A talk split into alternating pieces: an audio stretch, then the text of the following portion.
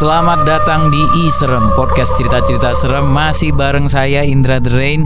Dan kali ini kita sudah memasuki episode ke-8 Buat Anda yang pengen ikutan Berbagi cerita pengalaman pribadi Anda Yang agak mistis Boleh anda bisa email ke program at iradio FM subjeknya I Serem. Kali ini untuk kedua kalinya saya ditemenin oleh Mas Greg. Mas Greg selamat datang. Betul, selamat malam Iya. Mas Indra.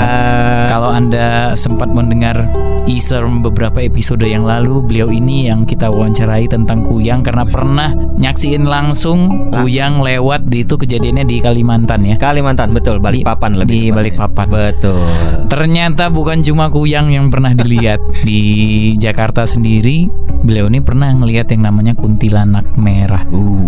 Itu di kosan Mas Di ngeliatnya. kosan. di mana sih? Mohon maaf. Kosan itu di daerah Jakarta Selatan Daerah eh, Karet Oh di karet. Mm-mm. Itu memang waktu masuk ke sana Umang udah terkenal angker atau nggak tahu ma- masuk aja tahu-tahu baru deh. Hmm, Lebih tepatnya pas udah masuk Baru Baru tahu. baru tahu kalau memang kos-kosan itu ternyata serem.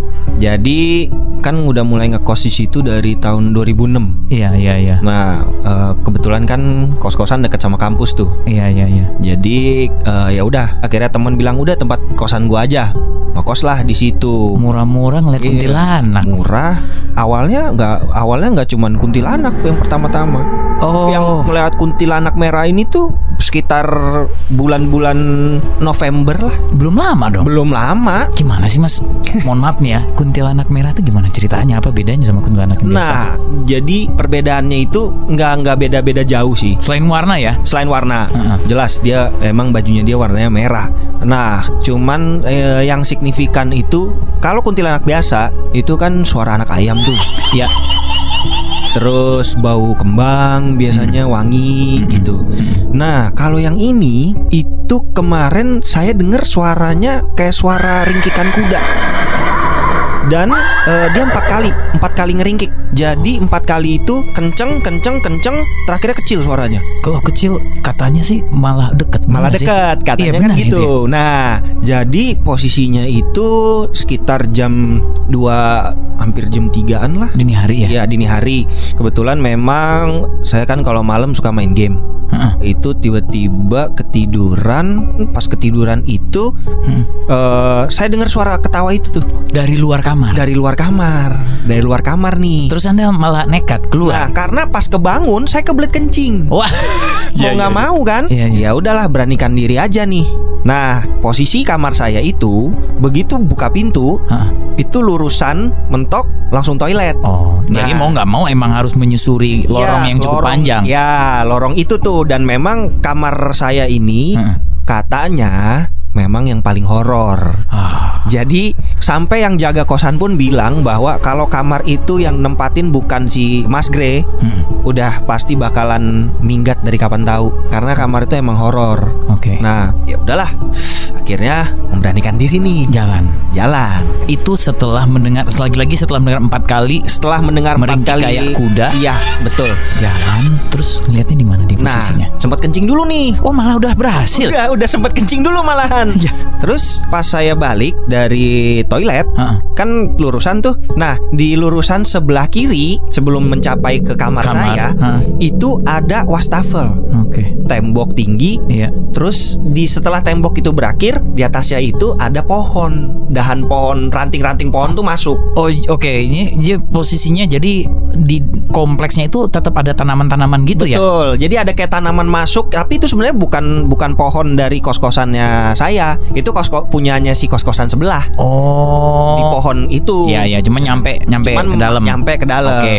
Nah, eh, saya kan tipikal orang yang kurang maksudnya bukan nggak terlalu penakut lah untuk Iya. yang seperti itu. Heeh. Sebelum saya ketemu si kuntilanak merah ini ya. Iya. Nah, terus pas saya jalan, entah kenapa saya rasanya pengen ngelihat ke situ tuh. Heeh. Pengen ngelihat ke arah Tertarik rasanya Iya, ya? heeh. saya kayak pengen ngeliat kok gue kayaknya pengen ngeliat ke arah pohon itu ada apa ya gitu loh. Terus ya udah, jadi dari saya berdiri, saya cuman kayak ngelengok dikit lah untuk ngeliat ke atas. Posisinya oh. Pas saya lihat itulah momen di mana keberanian saya yang selama ini luntur. Ibaratnya tato saya pun kalau bisa luntur-luntur. Bener. Dia posisinya di Jadi dia di posisinya pohon. dia di pohon itu Heeh. dan dia bajunya warnanya merah, kakinya dia yang gelantung sambil dimain-mainin Oh.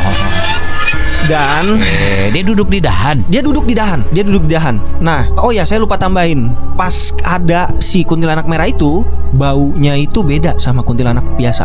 Baunya tuh bau Jadi bukan bau kembang-kembang enggak, kayak baunya nggak enak. Oh malah bau, maaf, baunya busuk. Iya bau busuk anyir gitulah pokoknya. Oh. Nah, terus pas saya lihat, wah ampun deh. Itu Dia ta- tatap maaf maaf nih. Ya. Tatap mata. Terus maksudnya Uh, Nah, karena saya ngeliat, tiba-tiba dia juga ngeliat ke, ke bawah juga. Jadi kita sama-sama ngeliat begini nih. Set. copot dengkul. Aduh, itu nah, Sempet ini waktu itu langsung gimana? Maksudnya bisa lari atau langsung kayak kaku? nggak bisa. Itu bener-bener aduh gimana ya? Kayak mau lari tapi kaku. Beneran Iya. gue mau gerak nih tapi nggak bisa. Itu kira-kira berapa lama itu? Dua detik lah. Dua, Dua detik, lah. ngerasa Dua kayak, detik yang itu ngerasa kayak dua hari kali ya. itu dua detik terlama di hidup saya kayaknya itu ngelihat dan dan apa aduh Kayak gimana sih Mas? Boleh di ke- boleh Eh. boleh nggak lebih lebih detail nggak? detail ya Heeh. oke baju udah pasti merah Iya. merah dan dia lebih besar ukurannya daripada kunti yang biasa. Eh. Kalau lihat di aduh anjir merinding gua. Eh, kalau ngelihat di di TV-TV kan kuntilanak putih ya kurus Ya, yang terus pal- eh, rambutnya, panjang. Terus habis itu juga apa eh, dia nggak terlalu gede lah badan. Iya, iya. Kalau ini badannya gede banget. Badannya tuh bener-bener Di luar ukuran manusia biasa kita. Iya, Oh. heeh. dia entah itu bajunya atau apa ya tapi yang pasti itu lebar sekali terus rambutnya ya kalau kunti pasti rambutnya berantakan ini Iya. udah berantakan megar banget dan itu mukanya sih saya sih nggak lihat fix mukanya ya gimana ya tapi yang pasti kalau kepala nunduk tiba-tiba kan pasti ketahuan dong Iya, iya. nah itu saya lihat dia kepalanya nunduk lihat ke arah saya mukanya sih nggak kelihatan katanya Samar ya. ke samar. Katanya sih justru kalau misalnya sampai kelihat mukanya katanya itu bawa hoki katanya. Hah? Tapi saya sih mendingan ya udahlah nggak usah sok hoki-hokian lah. Setelah beberapa detik itu apa yang Mas Greg lakukan? Nah, akhirnya saya udah bisa move on nih Iya. dari dari situ. Iya. Saya langsung masuk ke kamar, saya kunci dan untuk pertama kalinya saya berdoa untuk ngusir hantu.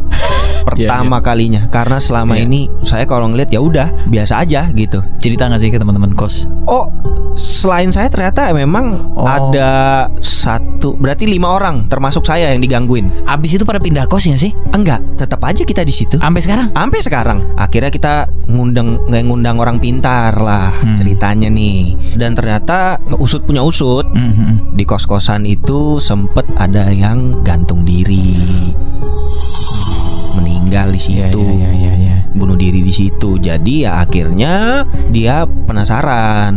Iya, iya, iya. iya. Gitu. Sempat setelah itu sempat ada ini nggak sih Mas Greg bersih bersih di dibersihin netralkan. Nah, eh, katanya orang pinter juga kalau dinetralkan kos-kosannya jadi sepi nanti. Waduh. Gitu. Pelik Makanya- ya? Iya pelik. Makanya eh, buah si malakama nih. Iya, iya, iya. Dimakan sakit, nggak dimakan sakit. Iya, iya. Gitu. Makanya kita eh, teman-teman yang rata-rata udah bangkotan di situ Iya, iya, iya. sampai bingung gitu. Iya. Biasanya kan yang kenalan itu adalah kita ke orang baru nih, kasarnya iya. gitu. Iya. Ini kan harusnya yang mana lagi nih? Ada yang baru lagi nih yang Iya. bentukannya kayak begini gitu loh.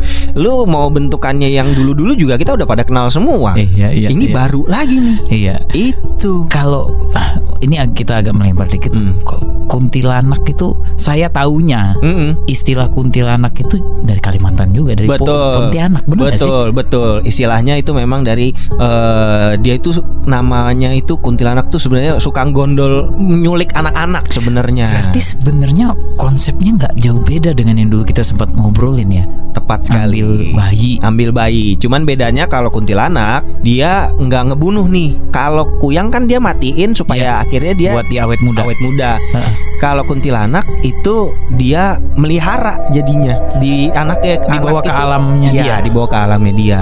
Usut punya usut juga eh, karena dulu pernah tinggal di daerah desa juga. Mm-mm. Memang sering ada anak-anak yang diculik Iya, kalau senja. Makanya ada lagu Lingsir Wengi kan itu sebenarnya eh, bukan lagu serem sih. Iya iya. Itu kan justru manggil anak-anak untuk ayo pulang udah senja. Iya iya. itu supaya nggak diculik sama si Kunti itu. Merah ada-ada aja ya. Ada-ada aja mas. Itu ada kayak gitu darah-darah gitu juga sih ngeliatnya? Oh kalau Atau dia enggak? Kalau darah sih enggak. Ah, entah karena bajunya merah kali ya. Ha-ha. Jadi nyaru sama bajunya Iya, atau iya. berdarah. Jadi dan posisinya adalah pada saat saya ngeliat itu, saya udah nggak ngeliat lah, sudah udah nggak bisa mikir lagi itu darah atau bukan. Pokoknya intinya itu merah kunti dan itu sumpah dari angka 1 sampai 10 itu terseram.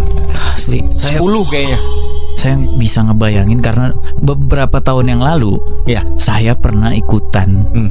Di sebuah acara televisi yang nggak usah saya bilang lah acaranya. Iya. Tapi yang itu yang yang sengaja datengin tempat-tempat angker gitu. Hmm, hmm, hmm.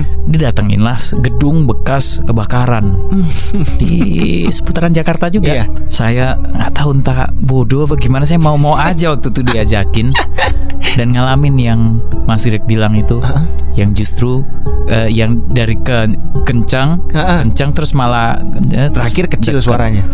Terus wangi Hmm. itu saya udah nggak ngerasain kaki saya alhamdulillah saya nggak ngelihat Ah, ah. yang lain ngelihat Hmm. alhamdulillah saya kayaknya kalau ngelihat traumanya seumur hidup kayaknya jadi Sebenarnya gini mas, aku tuh di otak nih sampai sekarang suaranya itu ada. Kalau lagi ngomongin kayak kayak gini, gimana sih boleh diinin nggak sih Aduh, kayak kuda ya? maksudnya kayak tapi gitu. lebih ngebas. Ya begitu persis. Oh, Oke, baiklah. Mas Greg terima kasih sudah bikin kita Sama. mimpi buruk lagi malam ini sepertinya. Sama-sama. Yang jelas eh, jangan kapok ya. Besok-besok kita ajak ngobrol-ngobrol lagi Oh, berbagi saya- pengalaman ya. Saya siap sedia menceritakan pengalaman-pengalaman horor. Teman-teman, Mas Greg ini orang yang udah ngelihat sendiri, dulu pernah ngelihat kuyang, pernah belum lama ini ngelihat kuyang anak merah. Ada orang bilang itu bakat, Ya. ada yang bilang itu kutukan. Ya. Semua itu tergantung dari, Dari- kita melihatnya. Lihatnya bagaimana? Ya, mudah-mudahan Mas Greg tidak melihat itu kutukan ya. Oh enggak, saya melihat itu sebagai hiburan Hiburan Iya. bikin lemes. dan membawa saya bisa cer- sharing cerita di Iserem. Terima kasih teman-teman kalau anda punya pengalaman pribadi seperti Mas Greg pernah ngeliat pernah atau buka, bahkan sampai berkomunikasi silakan anda bisa kirim lewat email ke program at iradiofm.com dengan subjek iserem sekali lagi Mas Greg terima kasih Sama-sama. sampai ketemu sehat-sehat saya tidak akan titip salam buat kuntilanak merahnya